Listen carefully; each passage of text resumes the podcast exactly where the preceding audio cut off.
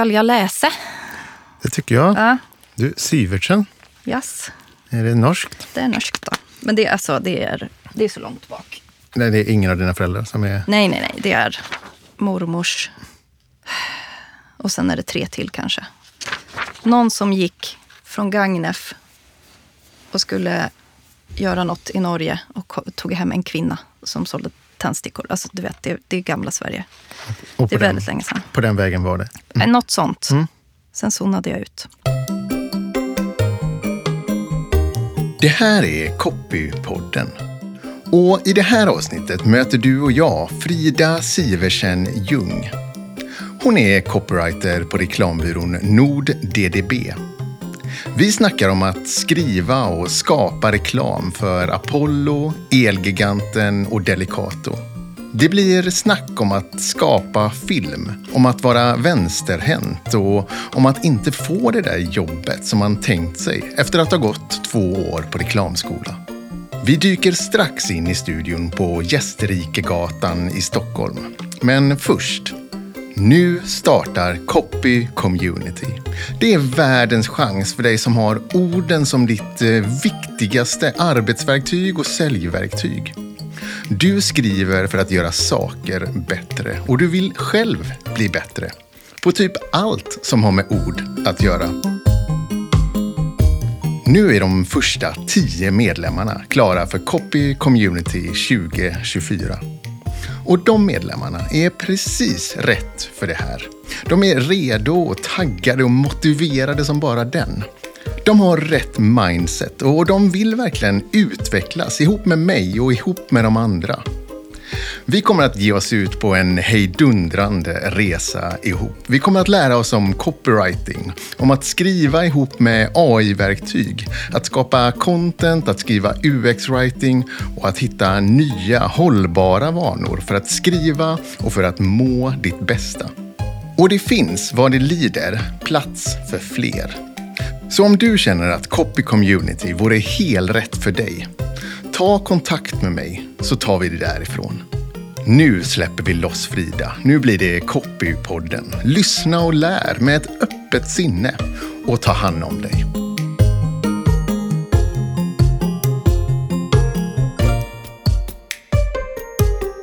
Du verkar ha fått en liksom, raketstart i din karriär för eh, tio år sedan. Du vann Young Lions Sweden när du var rätt så ny i branschen och sedan så fick du ta emot eh, kycklingstipendiet året därpå. Det var ju på 2015. Det jag är nyfiken på är, var det liksom en sporre eller var det en förbannelse att ta sig därifrån? Gud vad intressant. Jag, jag hade absolut inte en flygande start. Men det är bra att det upplevs som det. Eller så vet jag inte. Men så, nej, det skulle jag inte säga att det var en flygande start. Ehm, jag gick ut Bergs 2012 och hade lite klur att få jobb, som många i min klass hade. Några fick jobb och sen så var det liksom, folk gjorde lite annat. Men jag hamnade på en byrå som heter Family Business som kanske inte var en renodlad reklambyrå. Ehm, Men jag var jätteglad över att jag fick ett jobb inom liksom kom, kommunikationsbranschen överhuvudtaget. Ehm, Och där jobbade jag kanske ett halvår. De var ganska inriktade på retail och liksom business to business och sådär. Och det var ju kul, men det var kanske inte riktigt det jag hade tänkt. Så att jag var ju lite frågande kring att skulle jag ens hålla på med det här eller skulle jag göra något helt annat?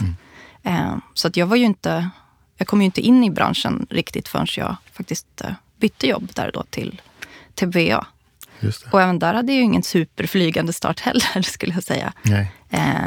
Det Saker och ting kanske ser ut på ett sätt eh, utifrån Ja. sätt och är på ett annat i verkligheten. Ja, men jag tror det för många är det liksom ganska svårt att ta klivet från skolan in i precis rätt miljö, rätt tillfälle där man får rätt förutsättningar och sådär. Det, det är ganska krokigt. Det var jättemånga jätteduktiga personer som gjorde något helt annat där och då, skulle jag säga. Sen ska jag säga, mm, kycklingspänn blev jätteviktigt för mig just för att jag kände att jag inte kanske var så bra eller flög på alla parametrar hela tiden. Så det, och det kom ju liksom ja, lite senare då. Men jag hade absolut ingen liksom, kanonstart skulle jag säga, utan jag hade ganska kass självförtroende. Däremot min kille som jobbade också på TVA, han hade en kanonstart skulle jag säga. och gjorde ett så superbra jobb, typ det första han gjorde som seglade runt världen och vann massa priser. Så för honom tror jag att det kanske var lite så här, det här var inte så svårt. Medan för mig var det så här, gud, vad jag än gör så blir det lite fel. Eller jag fattar inte riktigt hur jag ska få grejer att flyga. Så att, eh, för mig var det bra att det var lite svårt, mm. tror jag. Vad skulle du säga till den som tänker, ja, men vadå, du har, du har ju gått på Bergs.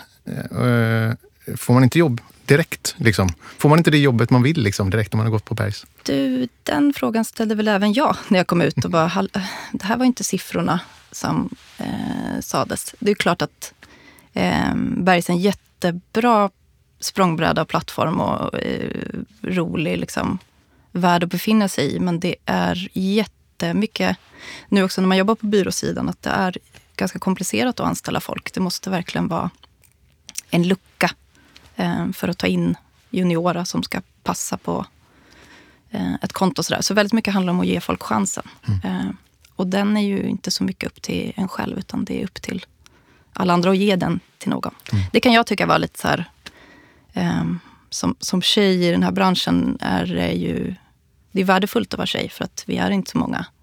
Men någon måste ju också öppna dörren för de tjejerna. Och jag vet att jag blev, inte provocerad, men det fanns någonting störigt i att man knackade på alla dörrar men sen då efter att man hade gjort ett par bra grejer, då ringde verkligen alla. Och då var det lite så här, jo men okej, okay, så någon måste alltid gå i god för en innan alla vill ha en. Så det är, eh, det är klurigt. Mm. Vad behöver reklambranschen bli bättre på för att eh, det ska vara lättare att komma in som ung kvinna? Alltså, grejen är så här, skolan är ju jättebra på kön i 50-50 och liksom har gjort ett jobb med det. Eh, men sen är det väl en fråga också, vem söker sig till den här typen av jobb? Alltså, kön är en sak, men det är också representation inom etnicitet och klass. Och så här, vilka har råd att ta en chans att gå på en, en skola som kostar lite pengar, där man blir någonting lite luddigt. Ehm, så det är ett, det är ett komplicerat problem där byrån står som slutgiltig liksom, ansvars... Eh, vad ska man säga? Den som liksom representerar folk. Men det är en, det är ganska mycket en politikerfråga, tycker jag. Att så här, ge folk chansen att uh, prova någonting. Men det, det, är verkligen det är en övre medelklass-typ som går på den skolan. Mm. Det är ganska kul när man tittar på sin klass att alla heter typ ett lite speciellt efternamn. Inte så von Silversked, men det är liksom ingen som heter Karlsson. Kanske en person, men det, det, det var bara en sån grej. Men tittade på lite. Vad, vad kul att alla heter typ ett lite speciellt efternamn. Mm. Jag, jag gissar att det är ett problem. Det är ju ett problem, absolut. Men eh, ja, det är ju ett... Det finns ju massa sätt att jobba med det med Stockholm Open och eh, ta in praktikanter som liksom inte mm, vet ens vad det här är för business. Jag visste inte vad det här var för bransch överhuvudtaget liksom, när jag växte upp. När vi ändå pratar om det här liksom att, att många på reklamskolorna kommer från liknande håll. Berätta, var kommer, var kommer du ifrån? Och det är ju en bred fråga såklart. Kan väl börja geografiskt? Ja, jag kommer ifrån eh, eh Bålänge. Eh, en liten stad i mellersta Sverige. Känd för att den är ful. Eh, musikstad. Eh, familjen, en sån där gammal drogkartell. Um, där kommer jag ifrån. Mina föräldrar är båda födda och uppväxta där. Sen bodde de i Stockholm um, när jag var liksom 0 till 5.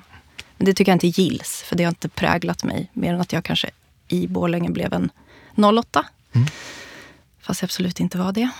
Mm. Um, men så där växte jag upp med liksom mor och far och två syskon. Mm. Uh, I en vanlig Borlängefamilj, mm. kan man säga. Det här med skrivandet, såg du någon annan under din uppväxt med en passion för skrivandet? Det tror jag inte. inte alls? Nej. Eller liksom för mig inte så... Jag har inte läst klassikerna liksom, i någon form av modersmjölk. Eller så. Däremot har jag själv varit väldigt läsig när jag var barn. Mm. Alltså, som en nörd. Alltså, ja, Eh, och, och väl, läste jättemycket upp till jag kanske gick i sjuan. För jag var liksom besatt av eh, ungdomsböcker. Mm.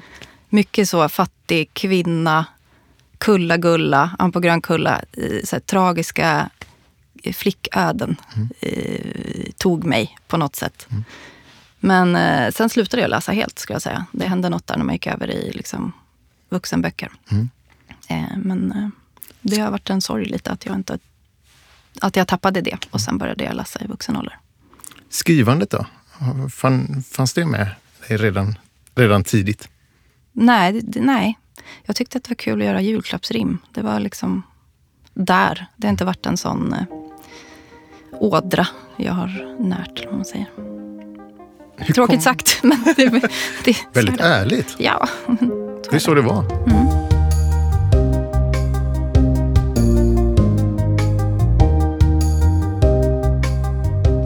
Hur kom det sig att du fick upp ögonen för det här märkliga yrket som, som vi båda har som är copywriters? Ja, det var ändå min eh, kära vän Martin vars eh, föräldrar kanske har en lite mer kulturell bakgrund. Att jag minns att hans eh, pappa Thomas sa någon gång över en middag att eh, det fanns någonting som hette copywriter. Som att man jobbade med reklam och liksom skrev rubriken i tidningarna i de här liksom annonserna man såg. Mm. Ehm, och då var väl jag ändå ganska gammal, kanske 17-18 och tänkte att så här, men det är väl ändå ett... Det, det, låter lagom. Det känns för kul. Skriva det som ska stå. Mm. Och så. Sen fattade inte jag vad det var mer än att man skrev det som stod och allt annat var väl gjort. Mm. Ehm, men så, så, så var det. Och sen så googlade väl jag lite på det, flyttade till Stockholm och jobbade med lite annat och långsamt liksom sökte mig mot det. Mm. Berätta om när du skriver. Hur, hur känner du dig oftast då? Jag är patetisk, eller vadå? Vilket ord använder du? Nej men, jag, jag, vet inte. Jag tycker det beror helt på vad man har, vad man skriver om och vad det är för och om det blir bra. Mm. Eh, det är ju jättehärligt att gå upp i någonting där man känner att det blir bra, man har något att säga. Det rinner på. Mm. Eh, men väldigt ofta är det ju en, en plåga. Alltså det här med att skriva manifest till exempel. Det är ingen darling för mig. Alltså det är verkligen, det tycker jag är jätte jättejobbigt. För att det bara känns något som ska göras. Det är inte lustfyllt. Mm. Det tycker jag är jobbigt. Men eh, när det är kul är det otroligt kul. Men när det är ett manifest då, hur, hur tar du dig an det? Men det som är bra med manifestet, det kommer ju aldrig synas. Det är någonting som ska liksom sammanfatta allt jox i de andra slidesen och mm. kunden ska känna att så här, gud vilken härlig dikt om oss. Eh, så det finns ju en form i det så man kan bara man kan ta ett gammalt manifest och så duttar man runt lite. Det är inte så svårt. Det, är bara att, uh, jag, det har aldrig varit en favorit för mig att göra manifest. Det, det gör jag bara. Vilka medier eh, gillar du bäst? Vad skriver du, vad skriver du helst för? Oh, jag tycker att det är väldigt kul att göra film. Mm. Det känns så himla lyxigt att man några få gånger i sitt liv har fått göra en film där olika människor har ställt upp och skådespelat och någon har dressat dem och man har hittat en plats som man har hittat på som någon försöker göra. Det tycker jag känns eh, nästan alltid roligast för att det är så många olika eh, komponenter i filmmediet ju, som gör om det blir bra eller dåligt. Och man kan jobba med musik och timings och klipp och reaktioner och sådär. Det är väldigt svårt att få till en bra film. Mm. Därför är det väldigt kul på en manusnivå. Mm. Att bara hur, hur får man till det här? Och hur blir den här filmen inte en film som är skriven 30 000 gånger förut? Mm.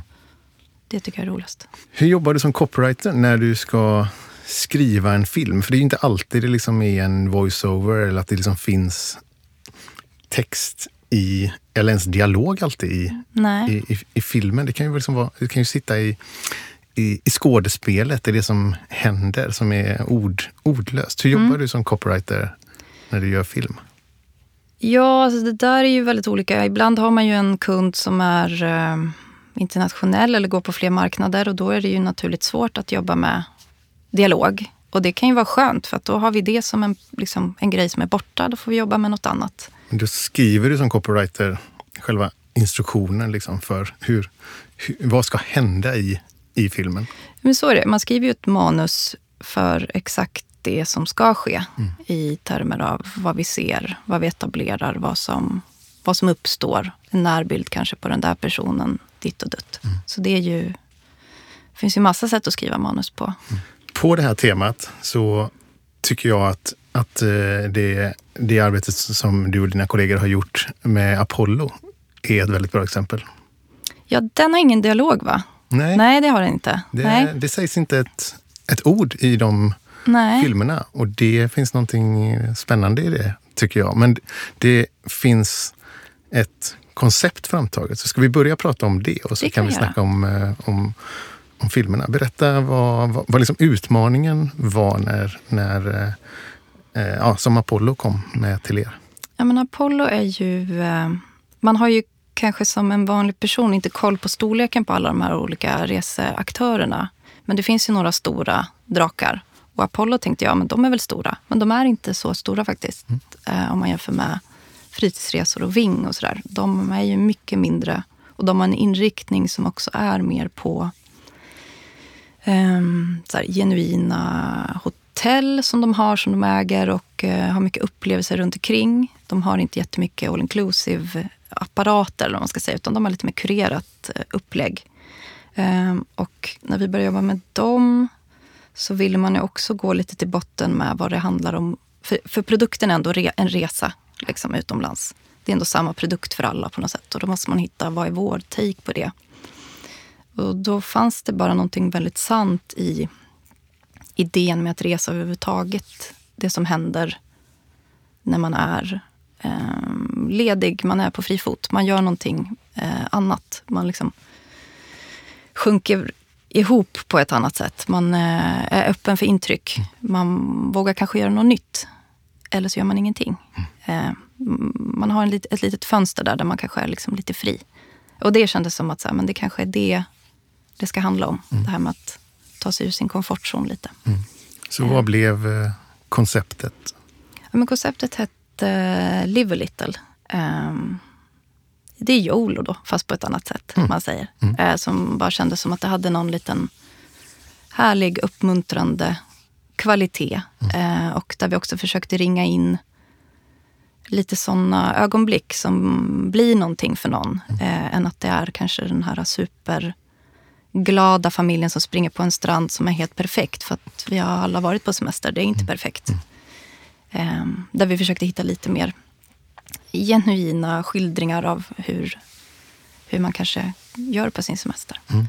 Så det tyckte jag var liksom inte det mest galna, omkullkastande nya liksom, konceptet som finns. Men det, det fanns någonting i den eh, kategorin som blev så här, fan, här petar vi på något som ändå är lite mer eh, relaterbart. Mm.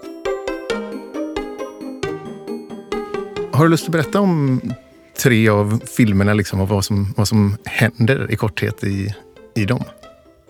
Ja, det är ju liksom inte så stora draman. Men det är lite det som är tanken med dem. Att vi har tagit väldigt små saker och kanske försökt hitta de ögonblicken och sätta lupp på dem. Eh, den första filmen är egentligen en ganska vanlig kille som joggar, som är ute på en liten tur eh, i en liten berg, bergstrakt eh, och blir om, omkullsprungen av en sån Marathon King, en sån eh, supergear-kille som är, liksom, flyger bara, inte har några kilon överhuvudtaget. Och så är bara filmen hans reaktion på att han blir omkullsprungen av den här kingen.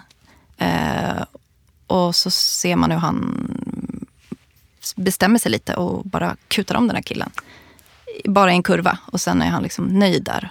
Och sen är det eh, inget mer med det. Och den andra springer om och springer vidare. Men då ser man hur den här killen har då, yes, så nu, got you. Um, det är en liten film och sen har vi en annan där det är en eh, kvinna som kommer ut från en toalett på en restaurang och sätter sig med en liten härlig känsla. Um, dricker ett glas vin. Det är inte så mycket mer än så. Det är slammer och grekisk känsla. Eh, och sen så kommer det ut en man från samma toalett och sätter sig bredvid henne. Och de tittar ut lite över de andra middagsgästerna. Och sen är det liksom inte mer med det. får man tolka in själv. Om de har levt lite grann eller inte. Ett litet bus. Och sen är det en sista film som var så himla klurig att få till tycker jag. För den var egentligen... Så här, dramat där, det är inget drama. Det är det som är problemet kanske med den filmen att göra. För att det som inte ska vara något blir ändå något när man sätter det på bild.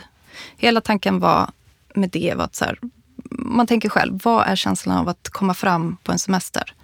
Det är att man slappnar av. Man släpper ut sig. Eh, något många gör, kanske kvinnor generellt, att man håller in magen bara utan man tänker på det. Man går runt och liksom håller upp, håller in och håller på. Eh, och där tänkte jag bara att så här, fan, det vore väl lite härligt att man bara såg någon närbild på en helt vanlig mage bara pysa ut så. Känns som en bild man inte har sett. Den kan bli fin, eh, härlig. Ingen stor grej, utan bara helt vanlig liksom, sak som sker. Men vi sätter det i liksom, HD. Kluret med den var att även om man liksom tänker in det och tänker igenom det 10 000 gånger och det här ska bli liksom en, en helt ovanlig grej. Blir det en ovanlig grej ändå? Att det blir koder i det och vad menas och ska kvinnor... Eh, betyder det någonting att hon ser helt vanlig ut och så vidare. Så den, var, den tyckte jag var skitjobbig när vi klippte den. För att man vill få till att det inte är något och det är därför det är något. Mm. Men det i sig också blir ju någonting av det. Så där var det ganska klurigt med klippningen tycker jag. Um, för att det känns som att man började eventuellt läsa in massa saker i det där. När det bara är helt vanligt. Mm. Och i slutet av den där filmen så gillar jag hur hon liksom tar tag i sina badtrosor och ja. snärtar till. Gud ja, det fick vi liksom på plats. För jag kände när man tittade in i monitorn och bara, men nu blir det här det här och det här är bra. Men det här kan också bli inte bra. Mm. Så det kommer jag ihåg att vi, hon måste liksom, hon måste laja till det. Det måste bli mer tydligt att det här är bara nothing. Mm. Hon är framme här med sina ungar och ditt och dutt och det verkar skitjobbigt att resa med dem på planet. Och nu får hon äntligen bara så mm. andas ut. Så det är väldigt mycket sådana fin eh, motoriska grejer man får sitta och pilla med för att få fram det man vill säga. Men vad bra att du gillade det, för det var jätteviktigt för den filmen att vi fick till en liten stjärtgrej där på mm. slutet. Mm. Upplever du ofta att det är i detaljerna, i film och i text, som det, det, det är det som gör det? Ja, absolut. Speciellt när det är frågor som är liksom, som, som, kräver, som kräver handskar. Det är jätteviktigt att man inte kliver på och dundrar fram kring någonting som är komplicerat. Eh, då måste man tänka 10 000 gånger. Väldigt många gånger i alla fall och titta på det och be andra titta på det. Mm. Den där filmen höll jag på och visade för ett helt knippe kvinnor på jobbet för att bara, hur tycker ni känns det här feministiskt eller känns det här, hur fan känns det här? Mm. Och det, alla tyckte att den var fine, men man vet ändå att det finns personer där ute som har en annan åsikt eller har en hög liksom, ton mm. kring vad man än ställer fram. Mm. Så det måste man vara medveten om vad man gör. Så då är det jättebra att göra jobbet med att tänka in alla de eventuella feltolkningarna innan, som man har på fötterna. Mm. Kan du utveckla vad du menar med att, att göra någonting med handskar? Ja, men jag tycker det beror så himla på vad man gör. Det, det är framförallt ämnen som är känsliga. Där måste man verkligen fundera vad det är man gör som konsult som säljer någonting eh, i någon annans ära, eller vad man ska säga. Mm. Vi, vi gjorde en kampanj för eh, en organisation som heter Make a Change som handlar om eh, mobbning på jobbet till exempel. Som handlar om eh, vuxenmobbning då, där eh, det finns otroligt mörkertal och ett jätteproblem är att det är jättemånga människor som tar livet av sig av den enkla anledningen av att man inte är omtyckt eller liksom sedd. Och det var ett äh, jättejobbigt projekt för då skulle vi bilda opinion kring det och satt, ihop en, ett budskap då som byggde på verkliga självmordsbrev. Mm. Eh, som jag läste i flera dagar och satt med och skulle liksom hitta då, hur kan vi skapa en, ett narrativ utifrån de här meningarna. Eh, och, och, då blir man också ödmjuk inför liksom vad det är man håller på med och hur får vi det här att kännas bra för alla inblandade.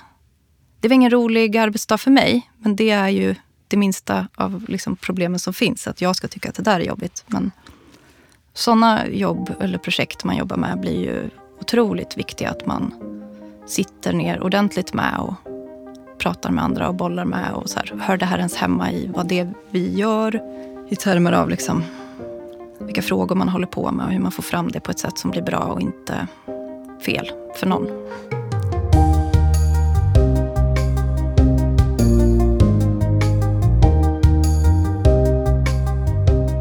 Skulle du säga att vem som helst kan bli duktig på det här viktiga och oviktiga jobbet med, liksom, med rätt utbildning? Eller, eller krävs det att man på något sätt har det? Att man har någon slags fallenhet för att arbeta med att skapa och skriva reklam? Ja, men det tycker jag absolut att det, det krävs ju någon form av känsla. Eh, utbildning tycker jag inte nödvändigtvis är ett måste alls. Det är ju att vara nyfiken och ha någon drivkraft. Och sen om man dessutom har en fallelse för, det, för det är ju det toppen. Men det tycker jag inte, det här är ju inget jobb du behöver ha en licens för eller eh, på något sätt behöver eh, tillskansa sig eh, någon studiemetod eh, specifikt för. Jag, jag, tror däremot kan man titta på en, det tycker jag är ganska bra, att man tittar på en arbetsgrupp på en reklambyrå. Det är ju jättemånga olika kompetenser där man är olika bra på att leda en grupp eller liksom mm, utföra liksom det strategiska eller addera det kreativa lagret. Eller, ja, det som alla liksom är bra på på olika sätt. Det är, det är olika typer helt enkelt.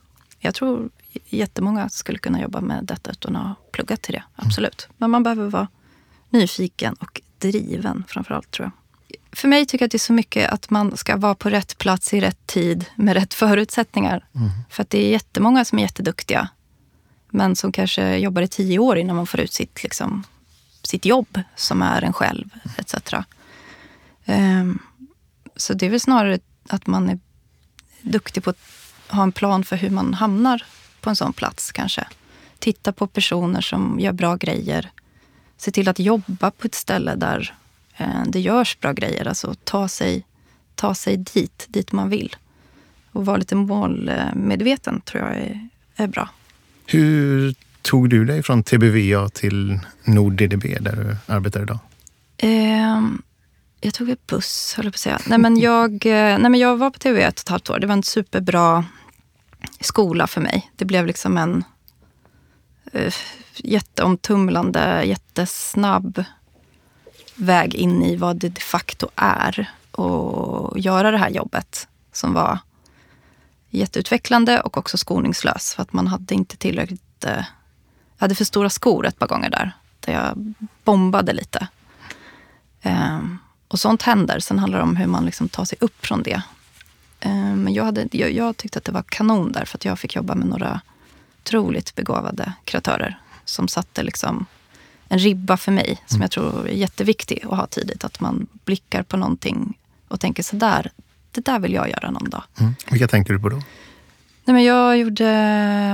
Eh, min första liksom, produktion var ju med eh, Alexander Fredlund och Johannes Ivarsson som är två kingar såklart. Som man var bara tacksam att man fick vara med på deras liksom, resa med den kunden Synsam som eh, de startade upp som jag liksom fick betrakta då i den produktionen. Och det var eh, jättelärorikt. Såklart, det tycker jag fortfarande är en av de absolut bästa kampanjerna. Liksom historiskt. Eh, som är jättebra tonträff och rolig och speciell. Eh, så det, var en, det är jag väldigt tacksam för.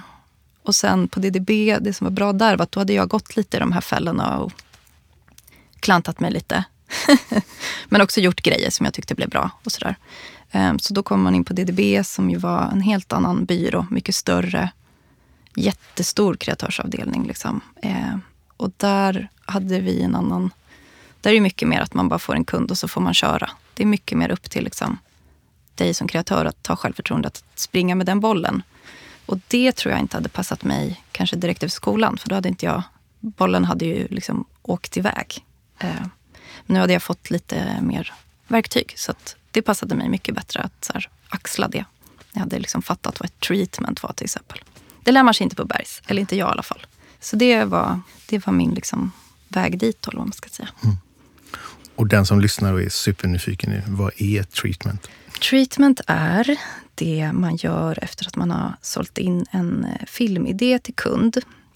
När då det här lilla manuset man har skrivit i um, sitt Word ska bli eh, till verklighet. Och då tar man in eh, treatment från eh, ungefär tre regissörer brukar man göra som får pitcha på det jobbet och komma med sin take på den filmen man har skrivit. Eh, och då får man ju liksom hamna i den andra rollen, att man har någon som pitchar på en själv. Och där är det jättemycket att man hittar att den här regissören förstår grunden med idén men också kanske vågar utmana den lite. Det är treatment. Vad är skillnaden på ett treatment och en brief? Briefen får du ju när du har fått uppdraget skulle jag säga. Det är ju en officiell handling tänker jag att en brief är. Medan ett treatment är ju ett mer uppkast, en, en pitch helt enkelt. Att så, här, så här ser jag på det här, så här tänker jag att vi gör det utifrån de här förutsättningarna och en produktionsplan. Men där är mycket att så här, fattar han eller hon kärnan i idén och vågar hen också utmana den. För det finns också många regissörer som jättebra, vi kör exakt det som står, bla bla bla, för att de vill ha caset. Medan man själv är lite så här, nej, det här är inte så bra det kan bli. Det här kan du göra bättre. Mm. Eller liksom förädla delar av det. Vilken är den, vem är den skickligaste regissören du har jobbat med? Åh, oh, vad svårt. Eh, nej men jag har jobbat med många olika duktiga eh, begåvade hjärnor. Jag tycker Anders Hallberg är otroligt duktig. Eh, han har gjort Apollo-filmerna bland annat, gjorde även Synsam-kampanjen. Eh, Tim Ehrem jobbade med som gjorde Hitta din grej som jag tyckte tillförde en massa knas i det på ett bra sätt. Eh, Max Vitali har också jobbat med som jag tycker är också toppen på att tillföra de där extra grejerna och sådär. Det är svårt. Det, det kommer liksom nya förmågor hela tiden också. Mm. Vilka, vilka kampanjer för vilka uppdragsgivare har du jobbat med med Max Vitali? Det gjorde vi i den här fjärrvärmefilmerna som mm. var liksom de första filmerna mm.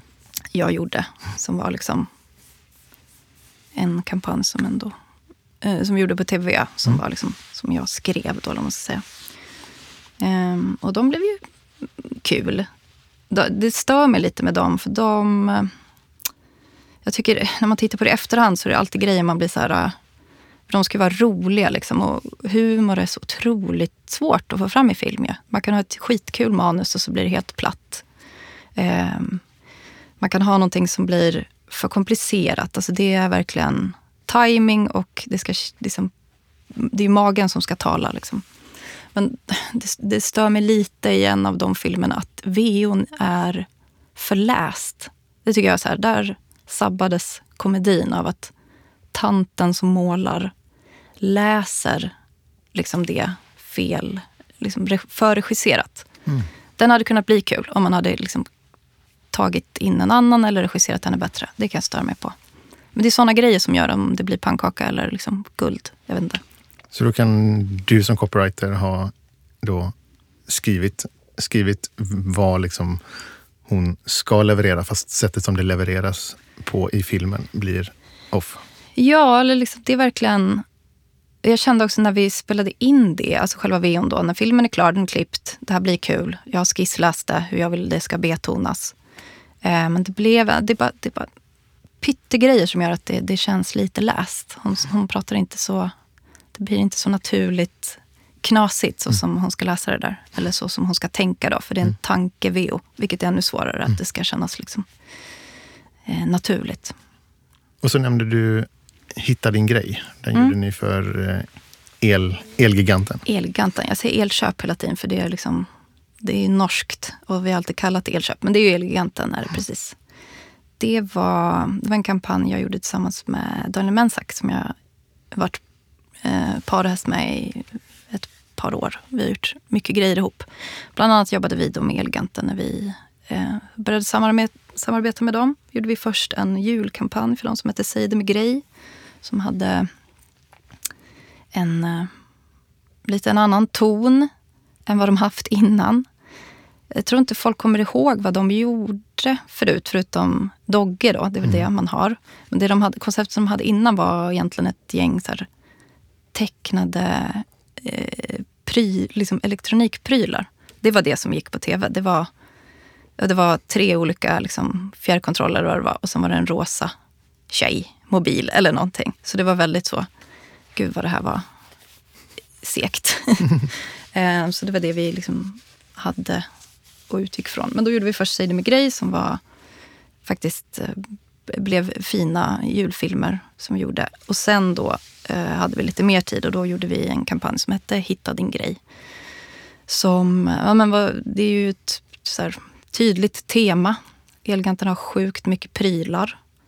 Eh, det temat i sig är ju inte så unikt. Det känns ju som var och vartannat varumärke numera säger Gör din grej, hitta din passion, mm. gå din egen väg i livet. Det är liksom inget, det är inget eh, nytt till bordet utan det är verkligen bara vi vet you guys. Det är inget problem att folk inte känner så kanske. Men det jag tyckte vi gjorde där var ändå att vi eh, hittade ett, eh, en lustfylld ton kring det och försökte hitta liksom, passionen i olika människor där man inte heller behöver vara bäst på någonting och man kanske gör någonting som har låg status och sådär. Ehm, det jag tyckte personligen att det var väldigt roligt att jobba med det och verkligen jobba igenom karaktärer och ehm, exempel. Att vi, vi la ner väldigt mycket tid på inte bara representation i kön och etnicitet som ju liksom alla gör nu. Det finns liksom ett jag kan bli nästan lite trött på den typen av slentrianmässig casting som görs. Att alla varumärken vill ha den här paletten av eh, en blond, en rödhårig, en liksom färgad person. Gärna en amerikan av någon anledning och så vidare. Att det, liksom, vi ska bocka av de här sakerna. Men när man tittar på hur Sverige ser ut så eh, bor inte alla i en sekelskifteslägenhet eller eh, har den här liksom, eh, det rena jag vet inte, det, det känns som att det, det kanske inte känns så real alla gånger. Mm. När vi har jättemånga eh, andra liv som inte kanske syns alltid. Mm. Och det tyckte jag vi gjorde ett bra jobb med där. Att vi försökte hitta lite verkligare typer av karaktärer och intressen och hobbys som inte är så mycket innerstan kanske. Mm. Kan du ge exempel på två filmer som blev resultatet av Hitta din grej? Ja, men vi gjorde ju en långis mm. där vi hade med massa um, bara härliga, färgglada, färgstarka karaktärer. Men så gjorde vi också utomhusare med en kvinna med som hade jättemånga katter.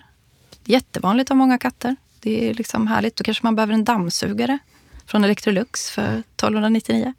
Och liksom i samma serie har vi en taxidermist då, som gillar att stoppa upp djur i liksom motsatt kärlek till djur, eller vad man ska säga, så kanske behöver ha en superbra frysbox. Och så vidare. Så att de har ju produkter för alla typer av intressen och liv på Eleganten.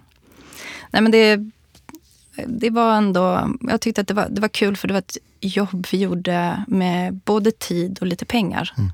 Det är sällan man har alla de komponenterna när man gör, försöker göra någonting. Antingen har man väldigt lite tid eller så har man väldigt lite pengar. Men här hade vi det och då tyckte jag ändå att vi gjorde en, en läxa med att verkligen göra någonting som blev tight. Nu ska vi snacka om en boll. En boll från Delicato. Mm. Och för Delicato så har du skrivit en annons som du ska få läsa upp alldeles strax. Yes. Men först berätta om eh, vad är det för boll jag snackar om? Uh, ja, den finns inte kvar i sortimentet tyvärr. men, eh, nej, men det var en helt vanlig eh, Delicatoboll. Men den var bara eh, till för eh, oss vänsterhänta då, helt enkelt. Bara för vänsterhänta? Ja, mm. men jag tror även högerhänta kunde äta den. Mm. Det var inget fel. Det var ingen annorlunda smak. Och. Och vi vänsterhänta säger du Frida. Är du vänsterhänta? Eh, nej men eh, så är det. Mm. Och ibland måste man också hämta ur hinken som är en själv, mm. tycker jag. Nej, men I det fallet var det faktiskt så att vi skulle göra en jubileumsförpackning.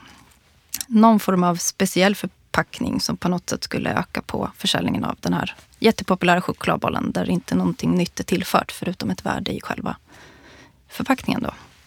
Och då, vi hade, det är också en sån grej jag går tillbaka till. Vi hade så många roliga idéer som sket sig där. Som eh, jag har svårt att släppa. Men det är, ibland är det så. Vi hade en idé, jag kan inte säga den nu för att den kommer inte någon annan kunna göra. Men som var den här, det var ju en, en, eh, en ikon som målades det var en Jesus-avbildning i en kyrka där, om du minns, som någon råkade måla till en liten apa. Mm. Det blev inte så likt. Det blev liksom kaos. Och någon kvinna i Spanien som inte var en jättebra restauratör, eller vad det heter. Och då tänkte vi att, men kan inte hon få en ny chans att måla en ny ikon? Delicatobollen. Det är en rolig idé, eller hur? Så får hon liksom rita om den, så blir det förpackningen och sådär. Ja, men bra, det kan vi göra. Det känns skoj måste få tag på henne bara på något sätt. Och då visar det sig att Spanien är ju ett u-land på många sätt. Hon bodde i någon form av liksom sån här liten by.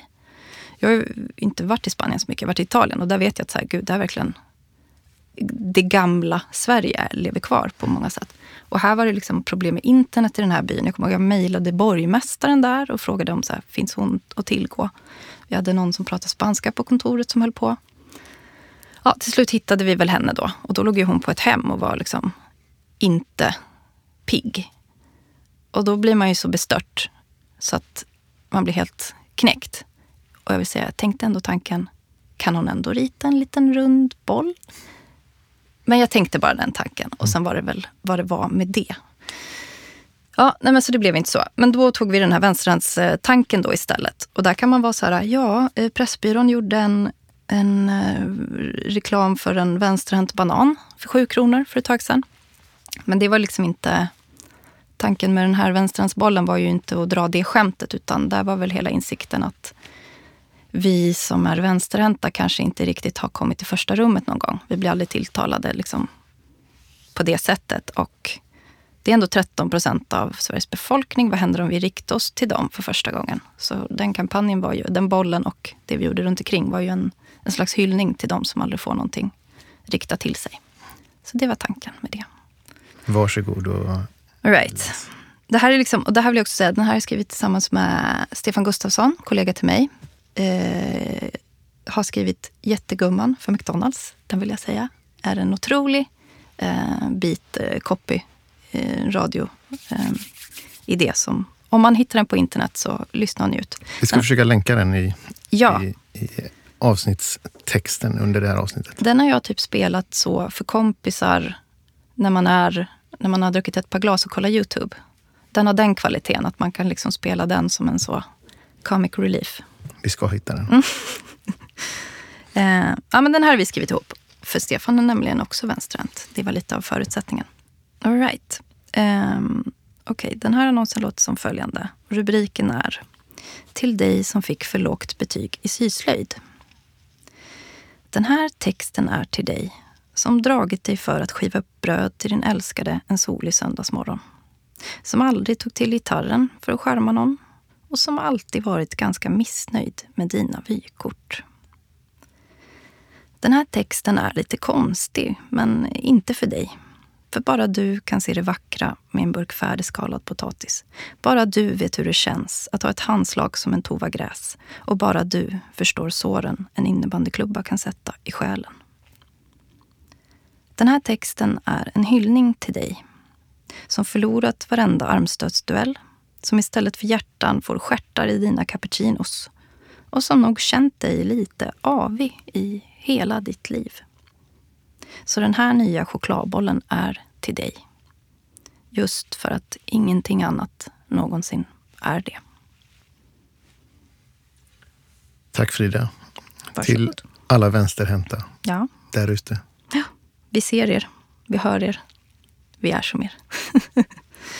Nej, men så den är ju liksom, jag vet inte, jag tyckte det är, eh, det vi gjorde med Delicato var liksom väldigt viktigt viktigt för mig som copy. Um, för jag tycker att innan gjorde man liksom lite ditt och dutt och hoppade mellan olika varumärken. Och, um, för mig blev Delicato väldigt personligt i termer av att jag fick ta ut lite svängarna i det. Och den rösten vi hittade i den typen av... Uh, alltså det konceptet vi satte där. För det man ska också komma ihåg, Delicato är ju skolboksexempel på ett otroligt koncept med garanterat fritt från fullkorn. Det är liksom inte jättekul att få det i knät att så här, look at this, det är perfekt. Men vad gör vi nu då? Mm. Eh, och det var verkligen eh, otroligt det de gjorde på eh, Ingo var det väl. Eh, men sen var det ju då att vi började jobba med dem. Fullkorn var ju, de, de tog ju spjärn mot hela den trenden som kom med eh, hur vi ska leva och vad vi ska äta. Det var ju verkligen eh, en rådande trend då, där de eh, hittade energi att ställa sig emot det. Och när vi började jobba med dem försökte vi göra samarbete genom att här, genomlysa vad fan, vad är det som pågår nu då? Hur kan vi bli relevanta med de här eh, lite gammeldagsa bakverken mm som kanske inte så många unga är så sugna på. Eh, och där tycker jag ändå att vi hittade en bra insikt i att den stora faran för oss är väl det utbredda allvaret som har kommit. Eh, det här var ju liksom 2014 kanske, men redan då var ju cancelkulturen ett faktum och kommentarsfält var liksom fyllda av olika människors åsikter och den här liksom korridoren, hur man fick vara, blev väldigt smal. Så att hela det konceptet byggde vi på att så här, kan man inte bara få ha det lite kul? Vi ska gå emot allting som är allvarligt. Och vi ska ta trams på högsta allvar. För att eh, det finns liksom ingen rationell anledning att äta en massarin. Man blir inte smart, man blir inte stark, men det kanske är lite gött. Eh, så det var hela liksom grunden till allt vi gjorde. För sen gjorde vi väldigt mycket olika saker, men som alla ändå blev Eh, väldigt självklara för att man kände att jo, men här har vi en roll. Nu gör vi en schackkurs. Eh, nu gör vi en nu gör vi en rabatt för... Eh, vi tog fram julkulor som du fick om du bara lovade att eh, köpa en produkt någon gång i framtiden. Så, alltså så här, ömsesidiga eh, eh, relationsbyggande löften egentligen. Vi gjorde en, en av de kampanjer jag faktiskt är mest stolt över. Eh, som jag tyckte var så jävla kul att den gick bra. var en kampanj som hette Försäkringen. Som var, för en gångs skull så hade de tagit fram en ny produkt som var en, en lite lyxigare boll. Men det är fortfarande Delicato, så det är liksom inte, det är inte bageri. Liksom. Eh, men de hade en lite lyxigare boll. Det var någon belgisk choklad. Och då var, satt vi med den och vad, vad gör vi nu då när vi ska liksom vara lyx? För det är vi inte. Eh, men då finns det någonting kul i att lyx, riktiga lyxprodukter blir stulna. Kan bli. Eh, så låt oss behandla den här nya produkten som en eh, liksom, märkesväska. Så då var hela idén var att vi agerade försäkringsbolag och sa att så här, nu har vi eh, gått ut och eh, eh, nu försäkrar vi liksom, eh, den här asken. Så att om du har blivit av med en boll så kan du komma till oss och bara liksom uppvisa ett bevis på det så får du en ny ask. En, en samplingskampanj då. Men jag tyckte det var så... För, för när vi satte ihop det, vi bara, men kommer folk fatta om att det är ett skämt? Kommer någon göra det här? Det är otroligt svårt att veta på förhand om det här kommer liksom falla platt eller funka. Men då satte vi ändå upp tre parametrar som var att ja, men vi, vi säger att det är så här och sen så får folk eh, berätta om sina stölder. Antingen genom att lägga upp en bild på Instagram. På den tiden fortfarande folk la upp bilder på Instagram på detta. Eh, liksom fota brottsplatsen. Eller så fick man... Vad fan fick man? Man fick ringa in till en personlig bollutredare. Och folk ringde in. Alltså det var på riktigt det var jättejobbigt ju, för att någon blev tvungen att ta de här samtalen och spela med etc.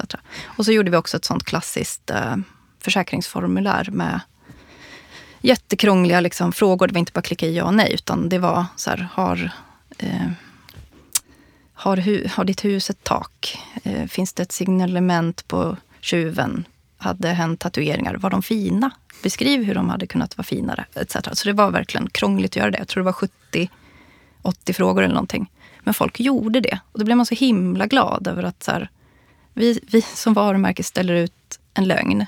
Ni spelar med och vi bekräftar den lögnen. Här får du en ny ask. Det känns som att det är, det är värdeskapande på riktigt mm. mellan liksom, varumärke och konsument. Mm. Och det var också en sån copygrej som de där frågorna var så otroligt lätta att skriva. För att jag var så här, hur långt kan, vi, kan det bli längre? Eller hur långt, när sätter vi stopp? Men, och det var ju lätt för att där har man en en, vi, vi kidnappar den här byråkratiska världen och så stoppar vi in det här tramset i det. Då är det otroligt lätt att, att skriva. Mm. Om vi nu ska prata om när det är, är, lätt och svårt så var det en sån grej som bara... Ja, det, det var kul och lättsamt och det funkade. Mm. Den kände jag var så här, det där var roligt att folk gjorde. Och allting behöver inte vara så allvarligt, men det ska vara värdeskapande. Ja, eller det måste ju vara... Det är ju liksom, vem vill ta del av reklam? Det är väl inte någon som vill det om det inte tillför någonting för en eller ger en på något sätt någonting. Um, om det så är att man blir berörd eller garvar till eller liksom att det finns en, en känsla i något som man attraheras av. Det är ju det vårt jobb går ut på, att få folk att stanna upp och känna någonting. Så tycker jag. Och det har varit, just med Delicata, var, det blev väldigt lätt att jobba med det oavsett vilken värld vi hoppade in i. För det fanns en jättetydlig ton och ett jättetydligt syfte med att tillföra trams i massa kontexter.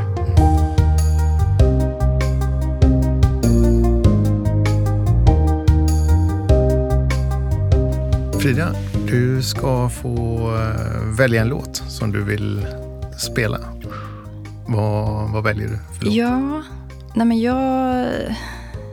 jag hade, det här hade jag velat fnula på mer, men jag tog äh, Äppelmelodin bara.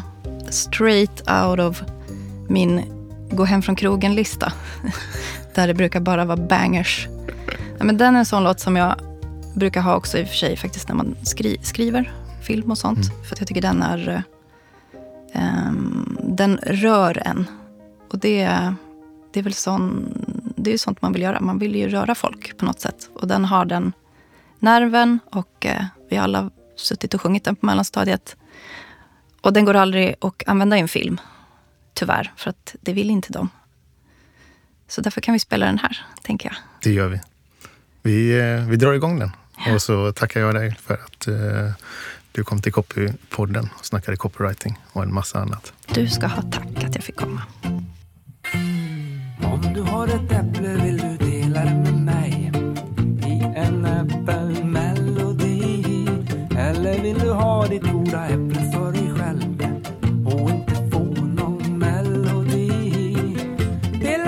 sig eller snåla. En vanlig fråga får man tåla. Om du har ett äpple vill du dela det med mig? Eller tar du hela själva? Du som räknar jättebra förklarar du för mig.